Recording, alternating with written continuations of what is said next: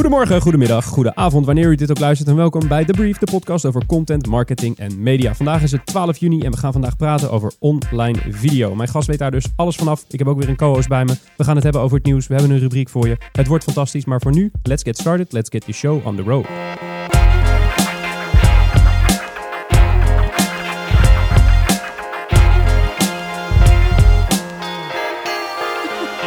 This is the brief. Zijn we weer terug in de studio. Aan mijn linkerzijde een vertrouwde, warme stem, Frank Goren. Dag Mark. Hoe is het met je? Lekker jongen. Wat is de beste content die jij de afgelopen twee weken hebt gezien? Ik ga het vandaag hebben over de Joe Rogan Experience. Ah, dat is gehoord dus. Ja, die heb ik gehoord. Eh, de Joe Rogan Experience, een van de, naar mijn idee, beste en grootste podcast uit de US. Om je een idee te geven, hij haalt op YouTube alleen al zo'n 700.000 views gemiddeld. Eh, en denk aan miljoenen downloads per keer. Ehm, in het bijzonder wil ik stilstaan bij episode 974 alweer. Ehm, Joe Rogan eh, dropt, eh, ik denk, gemiddeld drie podcasts van gemiddeld zo'n drie uur per week. En de meeste daarvan, die hoor ik. En de afgelopen week heb ik, of het afgelopen weekend heb ik geluisterd naar een gesprek van 2,5 uur met Megan Phelps. Ehm, Megan, een dame van achter in de 20, die is gebroken met haar familie. En ik denk dat je wel snapt waarom. Want haar familie zijn de mensen achter de Westboro Baptist Church. Gezellig. Uh, mocht je de Westboro Baptist Church niet kennen, dat zijn die mensen die uh, in Amerika vaak met borden als God Hate Fags uh, langs de kant van de weg staan. dochter Megan is vier jaar geleden uit die familie gestapt. en zat 2,5 uur te praten met Joe Rogan over freedom of speech. Dat was een prachtig gesprek tussen twee mensen die vanuit totaal verschillende standpunten komen, uh, maar elkaar echt weten te vinden in 2,5 uur. Uh, mooi gesprek. Um, Westboro Baptist Church is ook bij Louis Theroux uh, een paar keer onderwerp geweest. Ja. als je liefhebber bent van Louis Theroux, dan is dit de audiovariant ervan. En dan moet je dit gesprek zeker eens gaan luisteren. niet iedere aflevering van Joe Rogan is interessant voor iedereen, want het gaat soms over vechtsporten, drugs, atheïsme, wetenschap, you name it. Maar met de juiste gasten is het zeer de moeite waard. Kijk, gaan we opzoeken. De Joe Rogan Experience. Welke aflevering was het nou? Nummer 974. En moet je die daarvoor allemaal gehoord hebben om deze te begrijpen? Zou ik zeker niet doen. Okay. Je kan er zo inspringen. Uh, het duurt wel 2 uur en 41 minuten om precies te zijn. Maar het is het helemaal waard. Oké, okay, gaan we doen. Gaan we doen. Aan mijn rechterhand zit de medeoprichter en executive producer van WeFilm, Bas Welling. Hi Bas. Goedemiddag, ochtend, Hoe, hoe is het met avond. je? Uh, uitstekend. Ja? Ja, ja is dit de eerste keer dat je te gast bent in een podcast? Dit is de eerste keer dat ik te gast ben in een podcast. En luister je zoveel podcast? Um, ik luister veel radio. Ik luister eigenlijk niet veel podcast. Uh, ik luister wel eens naar jullie. Kijk, dat is het enige juiste antwoord Toch? op deze vraag. Maar je maakt, je maakt zelf ook radio. Of tenminste, je bent columnist bij zaken doen bij, uh, bij, bij onze mediapartner BNR. Ja. Dus je bent een beetje vertrouwd in de omgeving van de radiostudio. Zeker. Gaat het altijd alleen wat sneller allemaal. Dan zeg maar, voordat ik mijn zin heb afgemaakt, word ik alweer afgekapt. Oké, okay, nou we gaan hier gaan we uh, rustig aan uh, de diepte in. Uh, dat gaan we doen in het interview, maar dan gaan we eerst even naar het nieuws. Terug, het nieuws. De afgelopen twee weken. Frank, wat is er gebeurd? Um, ja, eerste nieuws komt uh, bij ons via Adweek. Uh, gaat over Volkswagen. Uh, zoals jullie allemaal weten heeft Volkswagen een tijdje wat problemen gehad. Iets met diesel en zo. die kwamen deze week met een nieuwe campagne uit genaamd Laughing Horses. ik kan je vertellen, het is niet zo heel vaak dat ik dubbel lig van een commercial. Bij deze heb ik echt dubbel gelegen. het filmpje is zeer, zeer de moeite waard om te bekijken. Um, het gaat dus over een stel paarden dat in de lach schiet en dan iets met een Volkswagen. Waarom we het, het artikel erbij halen is om eigenlijk om de manier hoe ze dit gedropt hebben. Um, Volkswagen was wat twijfelachtig. Moeten we deze commercial nu wel echt gaan uitzenden na dit schandaal? dat hebben ze eerst heel erg zwaar getest door Millward Brown. Daar kwamen zulke goede cijfers uit dat ze hebben gezegd: oké, dan droppen we hem op YouTube. Toen bleek dat hij eigenlijk best wel hele goede uh, bereikcijfers. Je zou bijna zeggen viral ging in Duitsland. En dat was weer de stap om hem naar uh, tv te halen. Dus je ziet hoe ze hier heel langzaam en heel voorzichtig zijn omgegaan met is het voor ons alweer tijd om met humor te komen. Um, die humor overigens, om even de juiste credits te geven, gaat naar Grabarts en Partners uit Hamburg. Uh, het creatief bureau.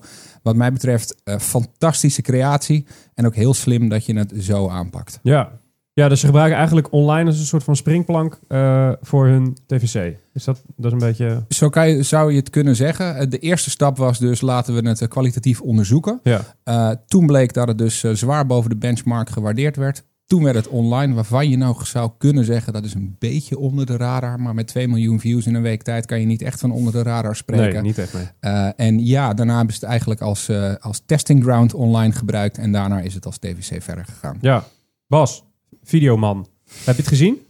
Ja, ik, ik moet eerlijk zeggen dat ik de controverse eigenlijk niet helemaal begreep. Ik vond het ook gewoon een heel grappig filmpje. Ja. En de controverse ging toch met name over de uitstoot en over de diesel. En eh, had weinig te maken met eh, deze grap waarin paarden een slecht inparkerende man uitlachen. Eens. Ik denk alleen dat, dat de angst bij, eh, laten we zeggen, corporate communicatie, compliance, legal, dat soort partijen, dat die zeiden, is het alweer tijd om aan humor te gaan doen?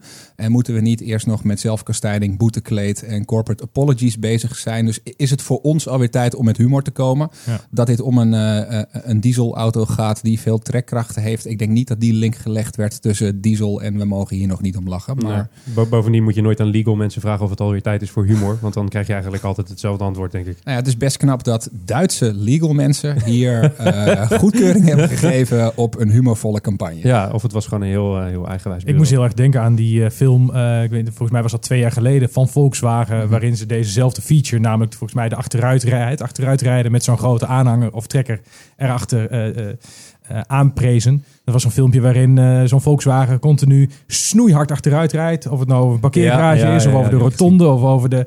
eh, maar dat, dat was echt ook heel goed gedaan. Dus op een of andere manier, die, eh, die creatieven die zitten op...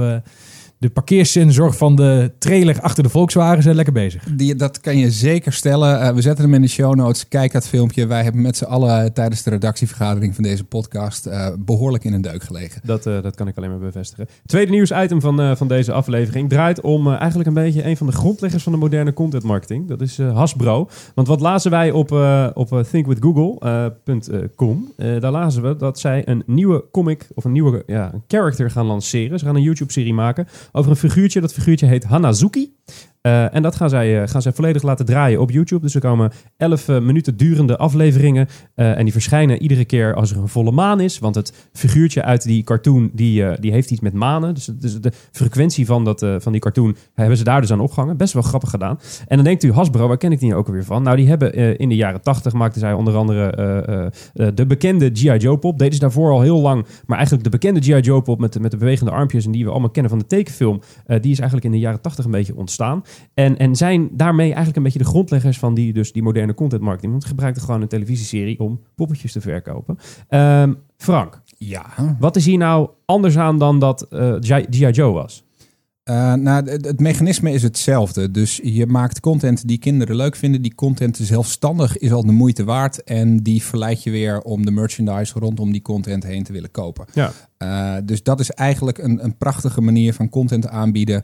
En daarmee een soort van long-form commercial eh, bij kinderen onder de aandacht te krijgen. De methodiek die we ook zien bij wat Lego tegenwoordig doet. Ze hebben het succesvol gedaan met G.I. Joe. Ze hebben het succesvol gedaan met My Little Pony. Prachtig. Wat het grote verschil maakt, is dat ze nu niet meer een tv-serie voor kleine kinderen zijn gestart, maar dit rechtstreeks naar YouTube hebben gedaan. En ik denk dat dat eigenlijk alle criticasters eh, of, of mensen die vinden dat, nou ja, laten we niet het woord tv is dood gebruiken, maar het geeft wel aan dat je bent daar waar je doelgroep is. En onder de allerkleinste onder ons is dat dus niet meer tv en YouTube. Want Hasbro kent zijn cijfertjes heel erg goed. Uh, en um, ja, laat dit dus alleen nog op YouTube verschijnen, waar het vroeger altijd eerst voor tv koos. Ja. Ga je het kijken, Hanazuki? Uh, ik ga zeker uh, de case bekijken. Ja, oké. Okay. Heb je, heb je het gezien, Bas, wat ze ongeveer willen doen? Nee, ik heb het niet gezien. Maar ik heb wel uh, nog niet zo heel lang een zoontje. Dus over een tijdje denk ik dat ik met hem samen naar Hanazuki en dan ga moet kijken. Je, moet je aan de Hanazuki. Nou ja, goed, elke volle maand komt hij uit. Dus dat is wel makkelijk. Je hoeft, niet, uh, je, hoeft je bijna niet te abonneren. Je kan het bijna gewoon uh, in de sterren teruglezen. hey, uh, Frank. Het derde item, gaat het ook over een of andere schimmige uh, Japanse cartoonfiguurtje? Of, uh? Nee, het derde item uh, gaat gewoon over uh, wat je tegenwoordig de nieuwe variant van hotelkamertjes noemt, namelijk Airbnb. Ah. die zijn een campagne gestart in Australië um, en de campagne heet Something is Missing. Een campagne waarin ze inhaken op het feit dat in Australië de wetgeving rondom same-sex marriage is uitgesteld. Ehm, en daar is Airbnb op ingestapt. Wat hebben ze gedaan? Ze zijn met een eh, ring gekomen. En die ring is net niet helemaal sluitend. Eh, daar zit een payoff bij, Until We All Belong.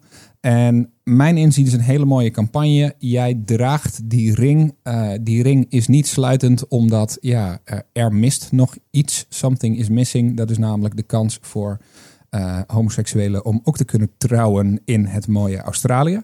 Ehm, en daar hebben ze een aantal video's omheen gemaakt waarin mensen een testimonial afleggen waarom en voor wie in je vriendenkring of in je familie je deze ring draagt. Uh, en ja, dat, dat uh, initiatief is vrij groot opgepakt en er zijn een uh, aantal grote spelers op de Australische markt, Qantas, Google, nog een aantal spelers die dit initiatief nu ondersteunen. Um, en ik zie jou nou heel bedenkelijk kijken. Um, je kan je vraagtekens natuurlijk plaatsen bij waarom zet een merk ja. hier zijn marketing spend achter. Waarom moet dat logo erop? Ja, waarom? Ja, ik, snap je pijn. Um, kijk, de, de, film was heel mooi. De campagne is heel mooi. Het initiatief is heel mooi. Het is alleen een beetje jammer dat eigenlijk het opening statement van het filmpje is... Um, uh, acceptance and belonging are at the heart of Airbnb. Uh, dus het mission statement van het bedrijf moet centraal staan... en dan pas de politieke boodschap. Precies. En het was onnodig geweest. Hè? Als ze gewoon in dat filmpje gewoon hadden gezegd... Uh, dit is gewoon, dit moet veranderen. Dan is het punt af. Je hoeft helemaal niet je, je merk zo heel expliciet te koppelen aan dat goede doel. Dat voelt zo. Eh, zo, zo ik, krijg, ik krijg er een beetje kriebels van. Ik, oh, ik, ja, ik zie jou nou kijken met zo'n blik van nee, ja, dat ik uit mijn nek lul. Maar... Nee, ik, ik, ik, ik, ik snap het wel wat je, wat je voelt. Um, aan de andere kant, als jij als, als organisatie iets steunt, bereid bent om je daar hard voor te maken, uh, daar heel veel geld in te pompen, dan wil je misschien als afzender ook wel vermeld worden. Je kan alleen je vraagtekens zetten bij wat is hier de leidende boodschap? Ja. En ben jij niet alleen supporting als partij die dit steunt en wordt het dan niet sympathieker? Ja, Bas. Ja, ik vond het wel mooi dat in datzelfde filmpje op een gegeven moment een politicus zegt: uh, laten grote bedrijven zich vooral met hun eigen zaken bezighouden. Of iets in die, uh, ja, van die klopt, strekking. Ja, ja. Waarop zij zeggen: Nou, dit zijn onze zaken. Hè. Wij, wij hebben de missie om heel veel mensen een fijn en uh, prettig onderdak te bieden op allerlei steden waar ze komen.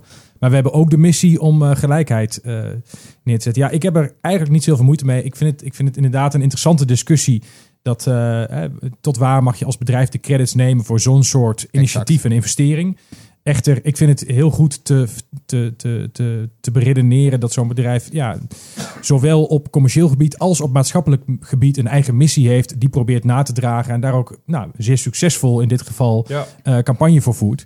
Um, ja, en dan, um, dan staat inderdaad dat logo erbij. Maar ik vond het een, een, ja, een mooie gedachte die ze hier uitspraken. Ja, ja. en de creatie was ook gewoon heel goed gedaan. Die ring is, is prachtig, de payoff is prachtig.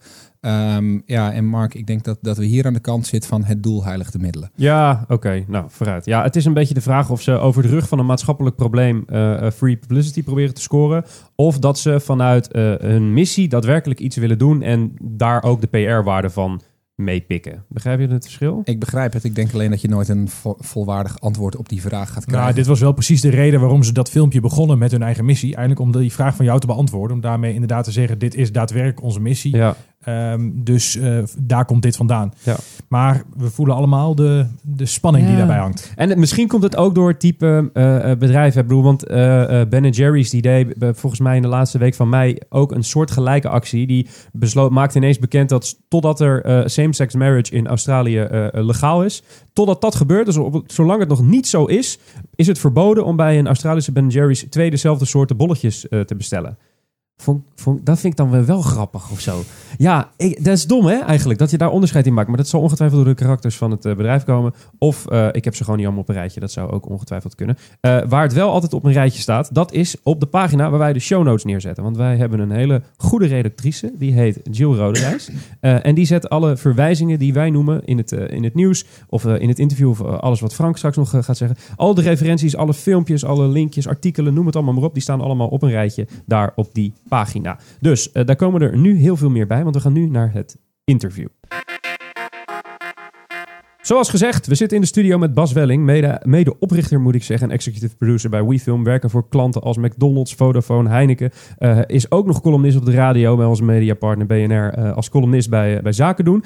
En WeFilm is de partij achter het filmpje dat onlangs zoveel aandacht genereerde. De, de hart onder de riem voor onze burgemeester, onze Amsterdamse burgemeester en trouwens ook buurman Eberhard van der Laan. Eh, Bas, hi. Goedenavond. Ben je blij met de reacties die je hebt gehad op dat filmpje eh, eh, waar, voor, voor, voor onze burgemeester? Nou, wat wel heel mooi was, is dat we, ehm, eh, dat we, we hebben een filmpje gemaakt waarin we mensen hebben gevraagd om hun belofte te doen aan de burgemeester. Dat vonden we eh, wat passender dan hem vragen om hem beterschap te wensen of hem eh, sterkte te wensen. Eh, en inderdaad als een hart onder de riem. Wat heel mooi was om te merken is dat veel mensen daarop eigenlijk het initiatief zelf namen om ook hun beloftes te geven. Dus bijvoorbeeld op de Facebookpagina van het Parool, wat een hele mooie plek was, waar echt honderden Ja. Amsterdammers de tijd namen om te beschrijven wat in het gedachtegoed van Van der Laan zij ehm, eh, nou, interessant vinden of wat ze omarmen en waar ze eh, nu en in de toekomst hem willen beloven dat ze dat blijven, blijven doorgeven.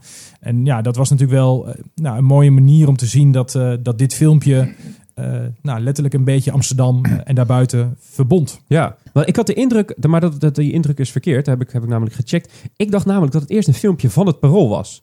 Maar waar, waar komt het filmpje vandaan? Wie is de opdrachtgever van het filmpje? Nou, er is geen opdrachtgever. Het is eigenlijk eh, zo gegaan dat eh, eind januari eh, burgemeester Van der Laan in het Parool een brief schreef aan, aan alle Amsterdammers. Waarin hij aangaf dat hij ziek was. Waarin, het, waarin hij aangaf dat hij ook heel graag nog heel lang onze burgemeester wilde blijven. Ehm, toen de volgende dag werden wij gebeld door Fem Verbeek, een, een documentairemaakster en researcher die veel voor ons werkt. En zij zei, ik heb die brief gelezen, mijn, mijn, mijn, mijn, mijn, ja, ik, mijn hart verscheurt. Kan, kan ik dat zo zeggen? Mijn, Ja, natuurlijk. En ik ik vind dat we daar iets mee moeten, want dit is een brief die uitnodigt tot een reactie.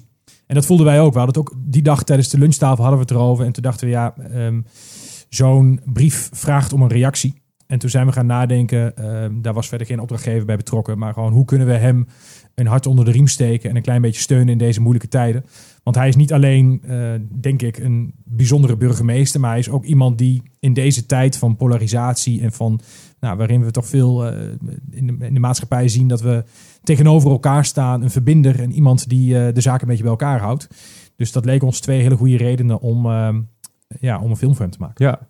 Ja, nee, het is, het is echt een, een, een prachtig filmpje. Ik heb meerdere keren bekeken. Wel met een parallel trekken met het nieuws waar we het net over hebben. Hoe, hoe werkt dat in de machine van WeFilm? Hoe, hoe brengen jullie naar buiten dat dat filmpje er is? Want ik, ik kan me voorstellen dat je het... Je wil dit niet te veel op je schild heffen van... eh hijsen van, kijk eens wat wij gemaakt hebben. Maar je wil wel aandacht genereren. Hoe, hoe werkte die machine bij dit En specifieke complimenten voor het feit dat aan dit filmpje geen eh, logo van jullie organisatie Nou, dat is, was dat is precies mijn punt. Ja.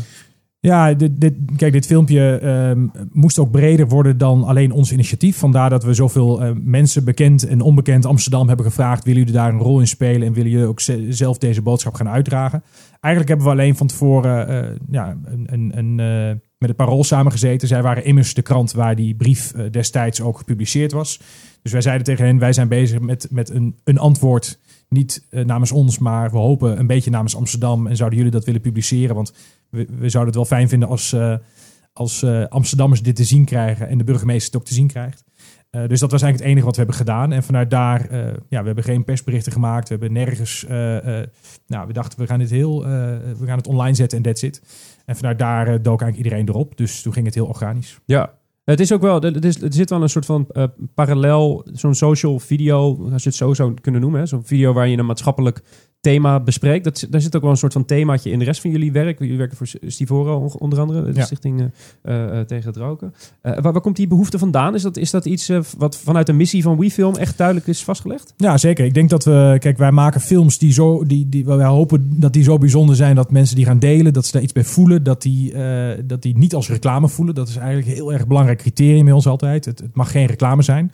We werken echter wel voor merken, dus je voelt continu die spanning van, hey, Ja. we maken iets bijzonders, maar het merk moet er ook iets aan hebben.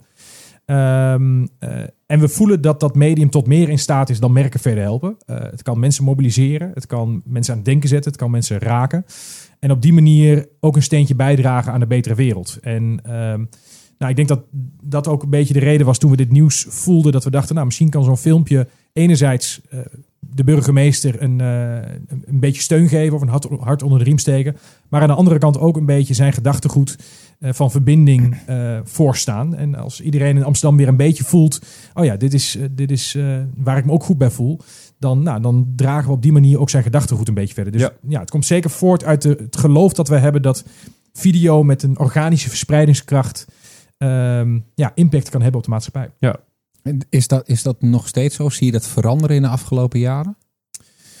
Nou, ehm, ik denk op zichzelf dat, eh, dat, die, eh, dat die verspreidingskracht eh, met, de, met, het, met de toename van online video als centraal eh, communicatiemiddel toeneemt. Mhm. Echter, er zijn wel heel veel meer merken en eh, eh, initiatieven die proberen iets voor good te doen. En het is, het is niet altijd. ehm, ehm, niet altijd even oprecht of niet altijd even gepast. Hè? Je kunt als merk eh, niet elk maatschappelijk vraagstuk claimen, daar je logo op plakken en daar een boodschap de wereld in uitsturen en dan denken dat het je merk goed doet. Eh, het moet bij je passen, het moet vanuit je werkelijke missie komen om dit eh, te vertellen. Hè? Onze Ja. Airbnb-discussie eh, nog sterk in het achterhoofd. En anders moet je het niet doen. Anders moet je, begeef je je op glad ijs en kan het zelfs backfire. Dus in die zin ehm, denk ik wel dat de consument zo langzamerhand... ja, misschien soms een beetje maatschappelijke doelen moe is. Dus je moet wel, het moet helemaal kloppen. En, en wie is degene die bij jullie die, die risk assessment maakt met... eh, Het is een hele fine line waar je het over hebt. Hè? Je kan heel snel iets goeds doen. Nou, je zag net de reactie van Mark. Je kan iets goeds doen en dat kan al heel snel tegen je keren. En als één iemand met voldoende Twitter-invloed, zoals Mark, eh, daarop losgaat... dan kan het heel snel tegen je gaan. Is er bij jullie een advocaat van de duivel... of iemand die een risk assessment doet met... waar zit die fine line tussen dit wordt als oprecht ervaren... en daar schuilt echt een risico in... wanneer Ja. het als een boemerang in onze nek terug kan komen? Denk aan nou ja, Pepsi commercials of zo. Precies, ja, dat is natuurlijk het voorbeeld. Ehm, nou, ik denk dat, eh, dat eh, ik ben het bedrijf eh zeven, acht, zeven en half jaar geleden begonnen met mijn broer. Mhm. En mijn broer is regisseur, onze creatieve baas. Ehm, iemand met heel veel gevoel voor eh, wat werkt en wat niet. Veel Mhm. meer dan ik dat heb. Maar ook eh, met een hele grote bezorgdheid over de wereld. Misschien soms wel eens een beetje te veel, vind ik. Een echte creatief. Ja, maar hij kan daar echt niet van slapen soms. En eh, kan ook heel erg boos worden op het moment dat eh, merken of mensen die iets pretenderen te doen, eh, eh, maar het niet waarmaken, daar een beetje mooie sier mee lopen maken. Dus ik denk dat hij wat dat betreft een beetje ons, eh, ons geweten in het bedrijf is om te voelen van, hey, klopt dit nou? Of eh, passeren we hier een grens? Dus, dus op het moment dat je één iemand in je organisatie hebt zitten die zelf vanuit die passie handelt, dan is dat eigenlijk de sanity check op ehm, dit is goed of dit is niet goed. Het, het, het normaal geweten van mensen zoals jij en ik. Ja, en, en tegelijkertijd, ehm, wij zijn best wel een, eh, een collectief van filmmakers die heel veel met elkaar samenwerken, heel veel over dit soort onderwerpen praten. Eh, we gooien heel veel concepten waar we over nadenken echt in de groep en dan praten we met z'n allen over. Ik heb ook het gevoel dat iedereen die bij ons werkt zich eh, op zijn manier druk maakt over hoe het met de wereld gaat en wat onze bijdrage daarin is. Dus zo'n gezamenlijke discussie met, eh, met een ieders eh, mannelijke en vrouwelijke invloeden die we zo op een hoop gooien, eh, dan komen we vaak wel tot een, tot een, tot een conclusie. En, en ben jij dan degene die, ehm, eh, die, die dat, die de balans pakt tussen, daar, laat ik mijn vraag anders formuleren. Ehm, als je zo'n maatschappelijk doel hebt in je organisatie en je geeft aan, mijn broer heeft daar een, eh, eh, een duidelijke passie voor, eh, dan ga ik er eventjes voor het gemak van uit dat jij meer het zakelijk brein achter de organisatie bent. Waar je vaak vroeger zag, bureaus hebben één of twee knuffelklanten, de caritatieve klanten, want dan kunnen we mooi creatief los op gaan, want ze betalen toch niet of minder. Ehm, hoe doen jullie dat? Is dat een, een bewuste balans met zoveel van onze tijd, uren, resources gaan in dat soort projecten? Of is het gewoon, we zien die brief in het parool en dus schakelen we nu? Ehm, nou, ja, ik, ik- wij zijn in ieder geval heel erg een organisatie of een, een, een bedrijf dat niet af en toe een eh, hitje wil scoren of af en toe iets heel moois wil maken en verder eh, het werk voor het geld doet. We Mhm. proberen, we zeggen vaak, we willen ons gemiddelde niveau heel erg omhoog tillen, niet ons, eh, ons, ons uitzonderingsniveau. Ehm, dat betekent ook dat als we werken voor, ehm, eh, voor commerciële klanten, dat we deze, deze, deze essentie van onze missie altijd in gedachten houden. Mhm. En ehm, waar mogelijk proberen eh, die merken een klein beetje mee te nemen in ons doel om de, om de wereld wat mooier te maken. En soms maak je er natuurlijk een uitzondering op omdat je ergens zo enthousiast over wordt of eh, vindt dat het zo nodig is dat je inderdaad ja, helemaal vanuit jezelf eh, eh, iets initieert. Ehm, nou, dus we proberen eigenlijk in, in alles wat we doen eh, dit altijd in het achterhoofd te houden. Ja. En heb jij nou een voorbeeld van een, eh, een video waar jullie naar kijken, die, die een maatschappelijke im- impact heeft gehad, waarvan jullie denken, nou, dat is een beetje de, de heilige graal of een groot voorbeeld voor je, internationaal of nationaal? Eh, het is al eigenlijk een be- behoorlijk, behoorlijk tijdje geleden, maar, in 2012 had je eh, in Oeganda een, een, een, een, een, man, vader van een zoontje. Ze leefde daar in een, eh, in een behoorlijk serieuze burgeroorlog. En de grote militaire leider was Joseph Kony. En, ehm, ehm, ja, en hij, leidde daar de grote burgeroorlog. Niemand deed er wat aan. Eh, iedereen eh, keek toe. Eh, en hij dacht, ik ga een filmpje over hem maken. En dat werd uiteindelijk een filmpje van 29 minuten... waarin hij hem portretteerde. Waarin, waarin hij vertelde wat voor, wat voor hij eigenlijk is. En zijn experiment of zijn missie was... ik wil hem bekendmaken. En als het mij lukt om hem bekend... hem en zijn werkwijze bekend te maken... Dan, dan zul je zien, dan gaat de wereld er tegen optreden. En dat filmpje werd binnen zes dagen 100 miljoen keer bekeken. Eh, eh, alle politiek leiders eh, kwamen eroverheen. Barack Obama begon erover te praten. En uiteindelijk ehm, eh, veranderde de situatie in dat land groots. met dank aan dat ene YouTube-filmpje. wat die vader van dat zoontje had gemaakt. omdat hij zich zorgen maakte over de toekomst van zijn zoontje. En dat is voor ons wel nu ook altijd nog een voorbeeld gebleven van waarin we voelen van als je de juiste snaar raakt en dat resoneert bij heel veel mensen die zich zorgen maken over hetzelfde onderwerp, dan kan eh, in deze tijd online video het verschil maken, eh, in zijn geval zelfs eh, tussen oorlog en vrede.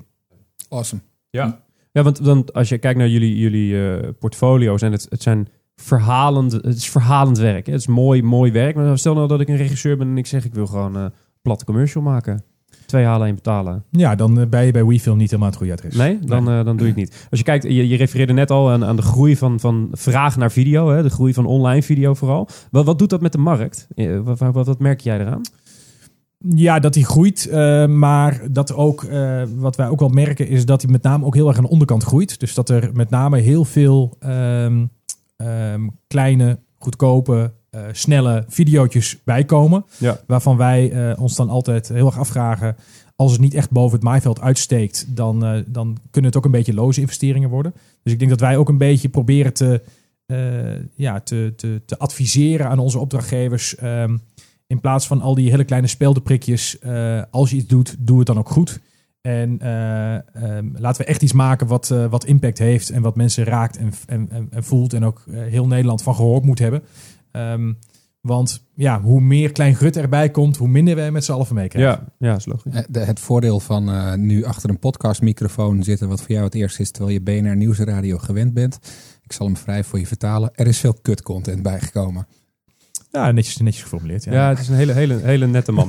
Ja, die, die vraag van video komt er, natuurlijk, eh, komt er natuurlijk uit dat wij zoveel verschillende outlets hebben die video uitserveren. Snapchat, Instagram, Facebook. Als je kijkt naar al die verschillende formaten, hoe, hoe, hoe ga jij daarmee om eh, met, met het oog op je regisseurs? Is het zo, je maakt één product en, en that's it en het wordt gemaakt door één regisseur? Heb je eh, medium type specifieke regisseurs of leid je ze op voor verschillende kanalen en vormen? Hoe, hoe werkt dat?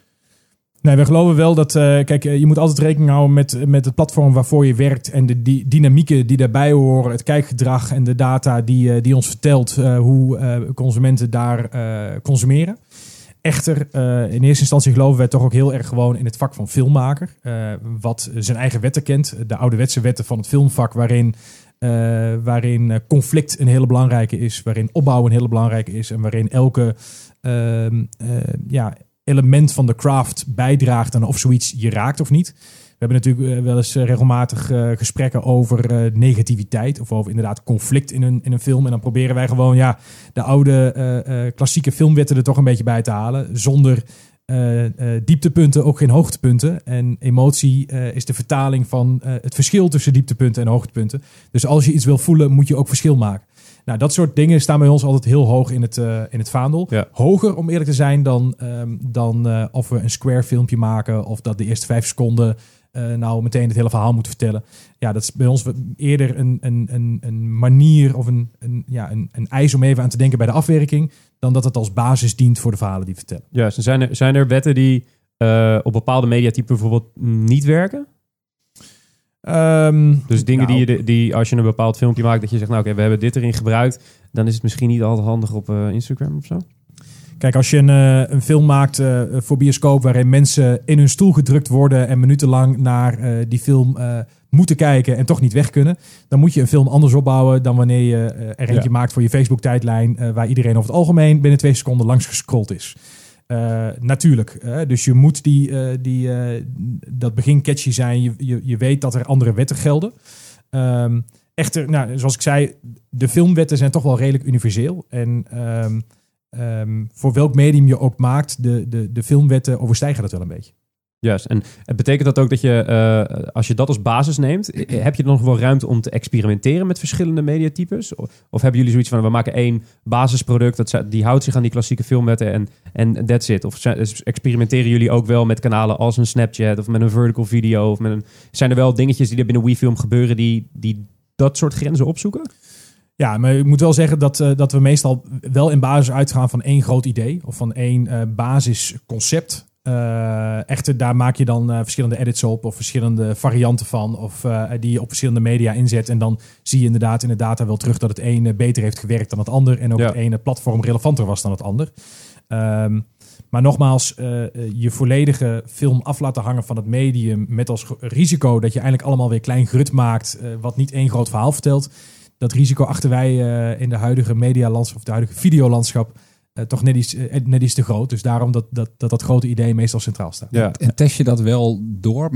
Maken jullie gebruik van AB-testen van bijvoorbeeld verschillende edits? Ik kan me een, een klus die wij zelf hebben gedaan herinneren, waarvan wij allemaal dachten. Eh, variant A zonder ondertiteling, eh, dat hebben mensen niet nodig. En toen deden we de kwalitatieve test.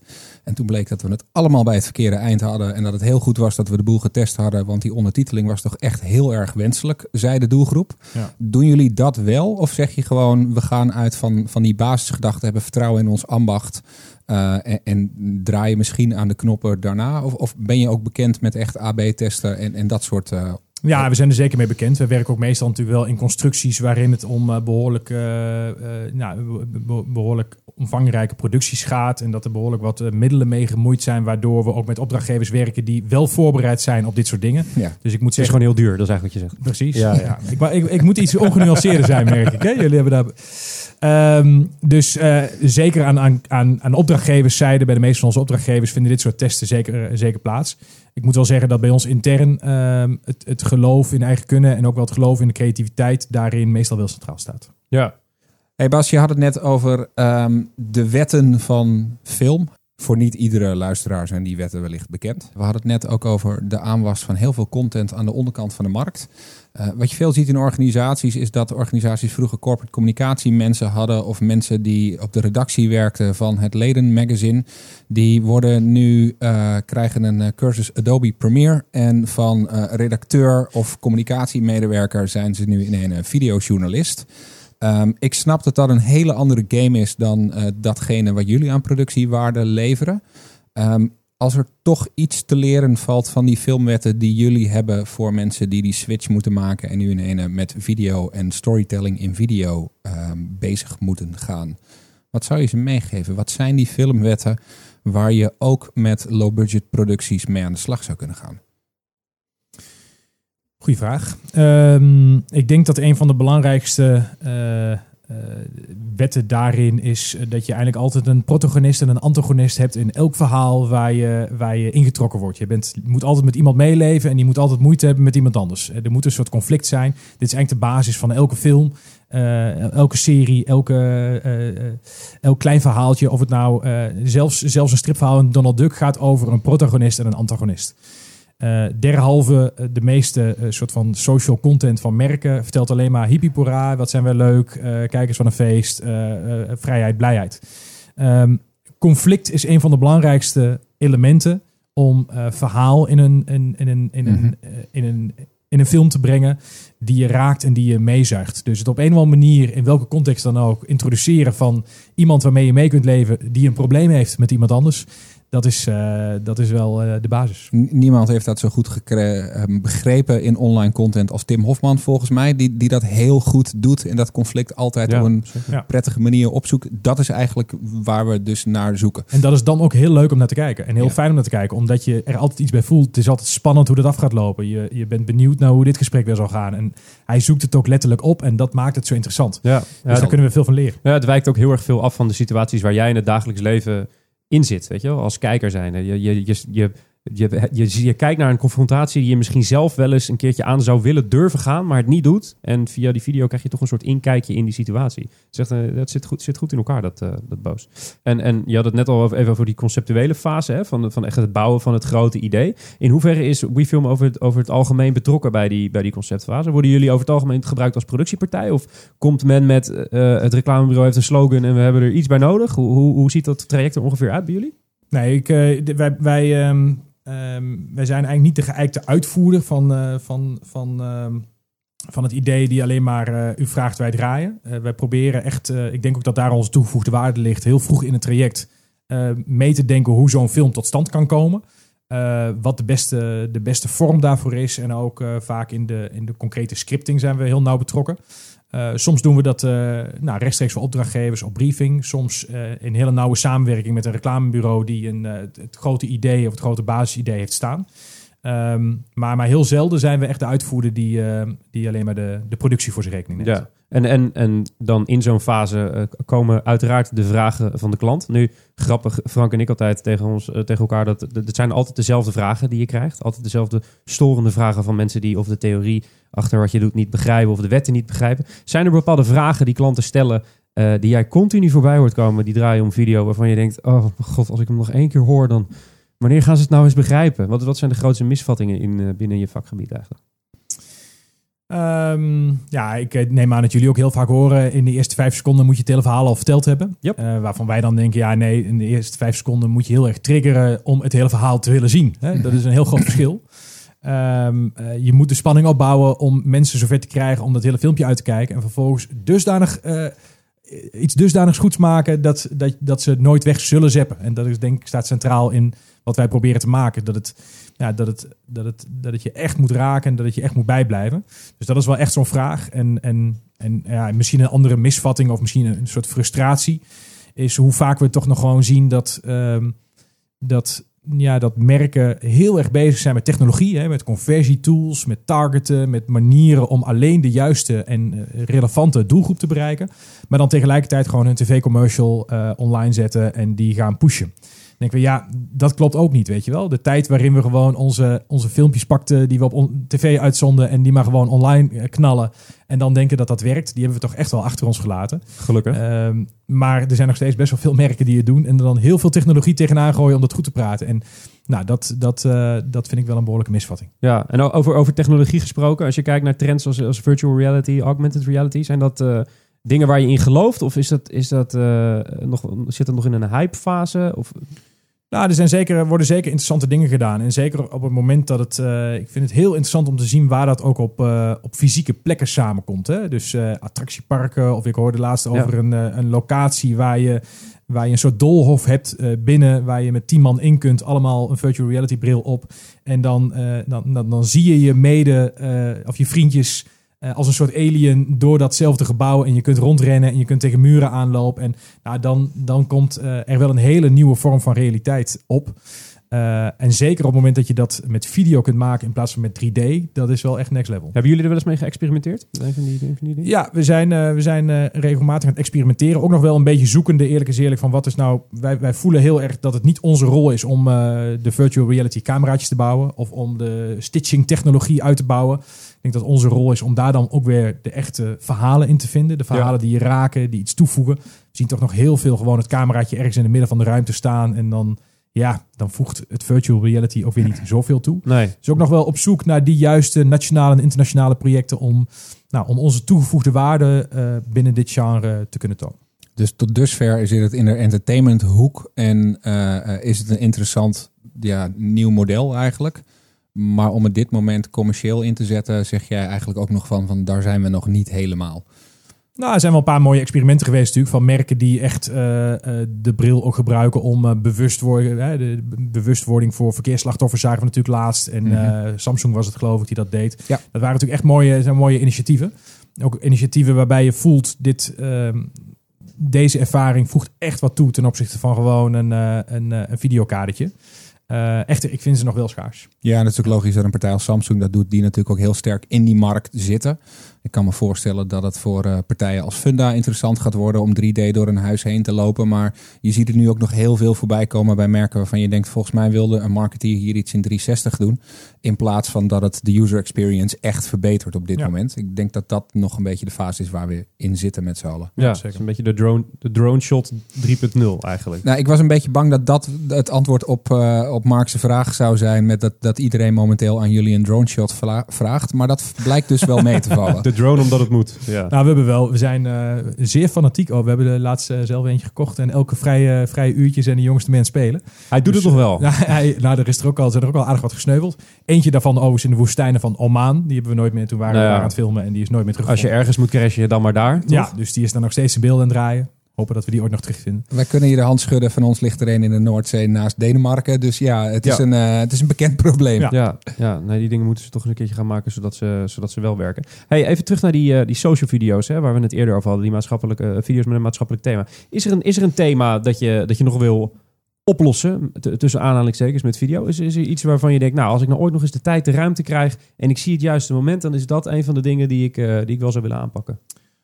Ja, eigenlijk eh, is dat eh, de, de klim- klimaatverandering. En eh, we zijn natuurlijk vorige week Trump uit het Parijsakkoord stappen. En dan, dan voel je de hele wereld zich zorgen maken. Je voelt ook dat de hele wereld in een soort impasse komt. En dat niemand echt een antwoord heeft op Trump. Wij zijn dan wel aan het nadenken hoe kunnen we ehm, hier misschien wel namens Nederland een soort antwoord op formuleren. Waarin we, waar iedereen zich achter kan scharen. We hebben wel het gevoel dat, dat ook daar online video wel een, ehm, ja, een boodschap zou kunnen gaan, eh, gaan, gaan brengen. Waar op het moment dat de hele wereld zich daarachter schaart, eh, dat echt impact kan maken. We zijn nog over de, over de juiste vorm aan het nadenken. Maar je zag eh, recent ook dat een aantal hele grote bedrijven een soort, eh, een soort expeditie naar de Noordpool met elkaar aan het doen was. Om ook, de, om ook het bedrijfsleven te, te, te, ja, samen te brengen en te voelen van kunnen wij hier niet iets doen? Lijkt wel zo dat al- als, de, als het minder op de politieke agenda staat, dat het meer op andere agenda's komt Ja. te staan. Mhm. Ehm, maar ik denk dat we, ja, daar zijn we, daar zijn we wel heel veel over nadenken. Tof, tof. We, we hebben altijd een vaste eh, slotvraag. En, en als we eh, spreken met mensen eh, die zelf in de content zitten, dan trekken we die slotvraag altijd eventjes wat langer door. Dat is namelijk, wat is de beste content die je de afgelopen tijd hebt gezien? Je hebt, eh, eh, je hebt hier wat langer de tijd voor dan normaal. Dus als je meerdere tips hebt voor onze luisteraars, nak jezelf uit. Maar wat, wat, wat, wat moeten we zien? Wat moeten we horen? Wat moeten we voelen, lezen, ruiken, bekijken? Nou, ik was wel, het is overigens ietsje lang- langer geleden, eh, begin mei was dit geloof ik, maar dat eh, het initiatief Breaking 2 van Nike eh, vond ik, vond ik erg de moeite waard. Ik weet niet of jullie dat gezien hebben, maar het was een initiatief van, van Nike waarin zij zeggen, wij staan voor innovatie van sport. Hè? Wij staan voor innovatie van sportschoenen, van sportkleding, maar valt sport zelf ook te innoveren. En eh, nou, in sportwedstrijden is iets waarbij al eh, sinds lengte der jaren dezelfde spelregels gelden, eh, de, de maar zelden geïnnoveerd wordt in de sport. En Breaking 2 was een initiatief waarin zij zeiden het, het, het wereldrecord op de marathon, hè, dat is geloof ik iets meer dan 42 kilometer, staat, staat al heel lang op eh 2 uur, ik lees even mee, 2 uur, 2 minuten en 57 seconden. Ehm, niemand heeft ooit de 2 uur grens kunnen doorbreken. Zou het ons kunnen lukken om de omstandigheden zo te creëren dat het eh, onze eh, sporters zou kunnen lukken om in deze zin deze sport te, te innoveren en iemand een keer die twee minuten grens eh, te laten doorbreken. Nou, daar hebben ze een heel programma voor opgezet. Uiteindelijk op Monza, op het circuit, Formule 1 circuit in Italië, hebben zij drie van de allerbeste atleten ter wereld de ideale omstandigheden gegeven om, om dit te proberen. Eh, dat is gelivestreamd. Eh, daar hebben miljoenen mensen naar gekeken. Dat wordt natuurlijk omgeven met films over die atleten, over de omstandigheden, over Nike, over de schoenen, over de kleding, over de eh, aerodynamica, over nou, alles wat je kunt bedenken.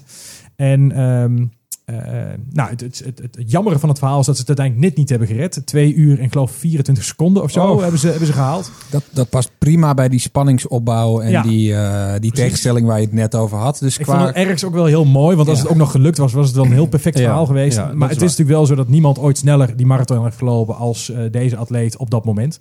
Echter net niet onder de twee uur. Eh, maar ik vond het een heel mooi, eh, eh, mooi initiatief om eh, te zeggen, als we dan zo eh, innovatief eh, zijn met die schoenen, en dat snapt niemand, want wat kun je nou innoveren aan schoenen? Laten we dan echt eens de spelregels van het spel, of de spelregels van de sport in dit geval, proberen te veranderen Mhm. en, eh, en daar innovatie op loslaten. Vet. Klinkt heel cool. Ik heb het niet gezien. Ik ga het wel, ga het wel bekijken. En het is ergens ook wel mooi voor de dramatiek dat ze het dan net niet hebben, hebben, hebben gehaald. Is het dan nu wel trouwens een officieel wereldrecord? Of is het omdat het niet in wedstrijdverband is gelopen? Heeft de dame of de heer die het heeft gelopen gewoon dikke vet pech? Nee, precies. Het is geen officieel wereldrecord. Het dat is wel eh, zuur. Het, het is ook, ze hebben één, één ding wat ze bijvoorbeeld deden, is dat ze, eh, dat ze tien van de, van de allerbeste atleten een, eh, in een soort V-vorm voor hen lieten lopen. Hè, zoals ze dat uit het wielrennen kennen, uit de wind houden. En die rouleerden. Elke ronde kwam er iemand anders voorop en, en, en, en hielden ze een vast tempo aan. Nou, dat is natuurlijk iets waarbij je, eh, waarbij, de, nou, waarbij je de regels van een wereldrecord een beetje schendt. Ja. Echter, Zo kan, ik het, zo kan ik het ook. moet nog steeds wel eh, zelf rennen. Dus eh, nee, ik vond, dat, ik vond dat heel mooi om te zien. Tof. Is er iets wat jullie zelf hebben gemaakt, gaan maken, wat, eh, wat de aandacht verdient? Klein vogeltje vertelde me iets over een gele M. Ehm, een nieuwe film voor McDonald's, die we met TBWA hebben gemaakt. Die deze week uitkomt, zijn we heel trots op. Eh, maar eh, ga hem vooral zien. Iets met een eiland en palmbomen en zo. Tof. Hartstikke leuk. Hey Bas, hartstikke bedankt voor je komst naar de studio. Graag gedaan. Eh, we gaan alle verwijzingen, alle video's, alle filmpjes, alles wat we hebben genoemd in het interview, dat, dat gaan we in de show notes stoppen. Die vinden jullie op shownotes. Of, eh, slash podcast. Ja, dat is hem. Of klik even in het linkje op de in de beschrijving van deze video, want daar, eh, daar staat hij ook. Ben je met één druk op de knop op die pagina. Eh, dan gaan we nu naar de slow win. Deze podcast is een initiatief van Wayne Parker Kent. En bij Wayne Parker Kent zijn we altijd op zoek naar talenten die ons kunnen versterken. De openstaande vacature van deze week is Front-End Developer. Kijk voor alle vacatures op wayneparkerkent.com slash jobs of klik op het linkje in de show notes van deze aflevering.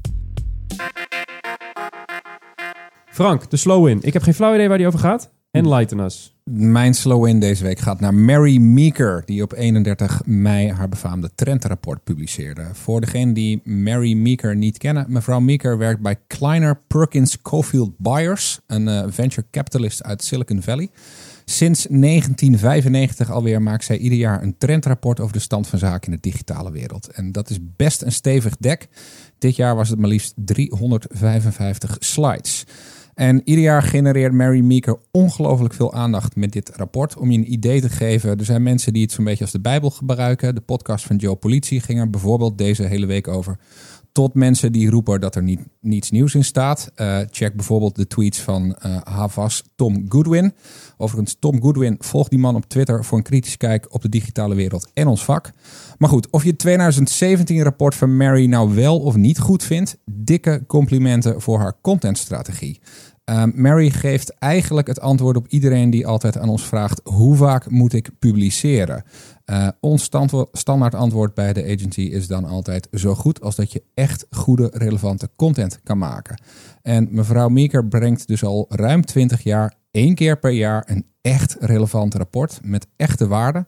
En zet daarmee haar naam en haar organisatie gigantisch positief op de kaart. Uh, ik begeef mijzelf, volgens mij net als jij, Mark, uh, nooit in de wereld der venture capitalist. Uh, en Mary Meeker is dus ook de enige visie die ik bij naam ken. En waarvan ik ieder jaar rond mij weer denk: oh ja, dit moet ik toch echt even lezen. Als je dat doet, dan snap je echt wat content voor je kan doen. Je zet je merk neer door exact zoveel goede content te maken dat mensen bij het zien van de afzender alleen al er direct in willen duiken. Zelfs als dat 355 slides is. Dus Mary Meeker, complimenten voor de contentstrategie waar je al in 19, nee, uh, 1995 mee begonnen bent. Prachtig. Ik denk dat ik me dit komend weekend even ga begeven in de wereld van de visies voor de allereerste keer in mijn leven. Dat betekent dat we aan het einde zijn gekomen van deze aflevering van The Brief, de podcast over content marketing en media. Zoals iedere editie wordt de brief gemaakt door The Agency, dat is het content marketingbureau van Wayne Parker Kent. Vond je dit nou een interessante podcast? Abonneer je dan eventjes. Dat kan eigenlijk in iedere grote podcast app. Kan ook nog eens op Soundcloud, overal zijn we te vinden. Frank, hartstikke bedankt. Dankjewel Mark. Vond je het gezellig? Zoals altijd, tot morgenochtend. Tot morgenochtend. Bedanken we ook nog onze mediapartner Adformatie en BNR. De productie is zoals iedere keer in handen van de onvolprezen Kevin Eiken. Die heeft geen microfoon, maar die gaat wel wat zeggen. Yes. En de redactie wordt zoals iedere week gedaan door de eerder genoemde Jill Roderijs. Die heeft ook geen microfoon en die gaat ook wat zeggen. En special thanks nog aan Emily Zandhuis, Thomas Rozenkamp en Matthijs Stielman. Volgende week zijn we alweer terug, want dan zitten we in Cannes. En dan gaan we drie afleveringen maken, rechtstreeks vanuit Cannes. Drie achter elkaar. Gasten zijn opeenvolgend Nathalie Peters, Carrie Finch en Antoinette Hoes. Uh, tot dan. Dus uh, ja, au revoir, kunnen we eigenlijk zeggen. Mijn naam is Mars Schoon, dus uh, merci beaucoup. En tot de volgende keer.